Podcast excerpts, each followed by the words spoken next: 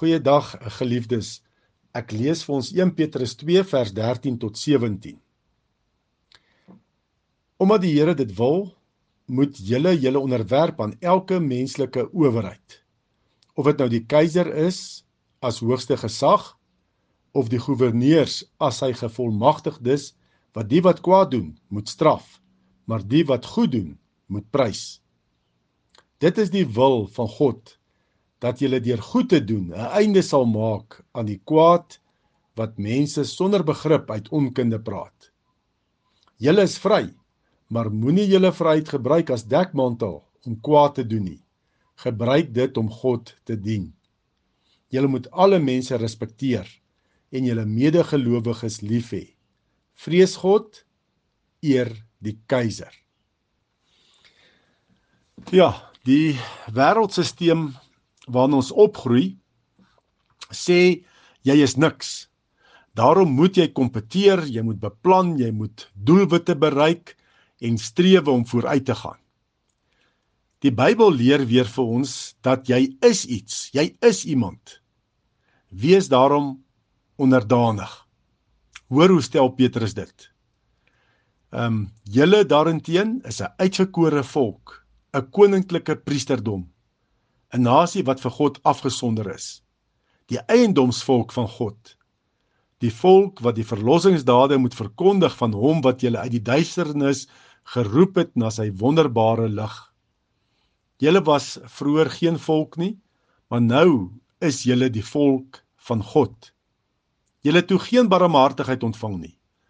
Maar nou het God aan julle barmhartigheid bewys. 1 Petrus 2 vers 9 en 10.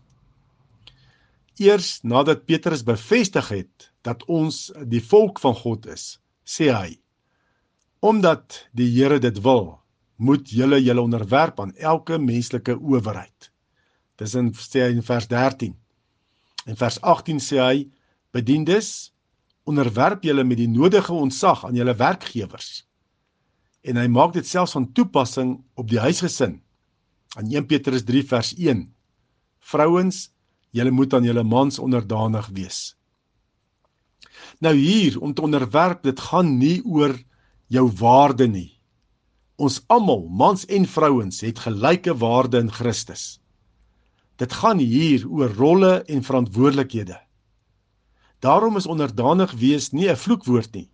Dis eintlik 'n vrymakende woord. Ons is almal onder God se beskermende autoriteit en ons kan slegs vry wees as ons dit met begeerte soek en daaraan onderwerp.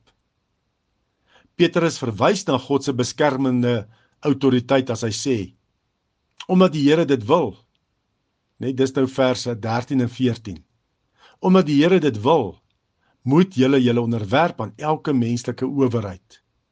Of dit nou die keiser as hoogste gesag is of die goewerneurs as hy gevolmagtigdes wat die wat kwaad doen moet straf, maar die wat goed doen moet prys. Menslike owerhede is noodsaaklik vir die funksionering van die burgerlike samelewing. Om jou te onderwerp aan elke menslike owerheid om onder autoriteit te kom is jou beskerming en bring vryheid. Om vry te leef is jou geleentheid om alles te wees wie God ges, wie God jou geskape het om te wees. Nou daar's twee tipe persone wat nooit hulle volle potensiaal in Christus sal bereik nie. Dis diegene wat sogenaamd vry wil wees en nie onder God se beskermende autoriteit wil staan nie. Nie onder ehm um, menslike regerings wil wil staan nie, menslike owerhede wil staan nie. En ook diegene wat niks doen tensy hulle gesê word om iets te doen nie. Moenie wag om beveel te word om te doen wat jy al reeds vry is om te doen nie. Stap uit in geloof en lewe volgens jou potensiaal in Christus.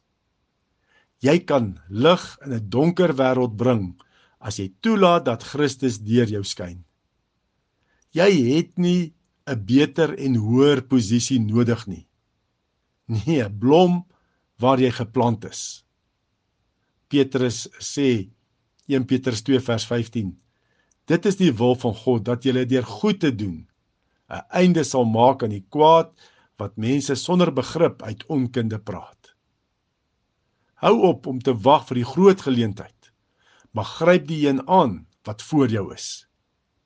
Iemand in jou lewenssfeer vandag iemand in jou lewenssfeer van invloed het vandag desperaat 'n behoefte aan wat Christus deur jou kan doen.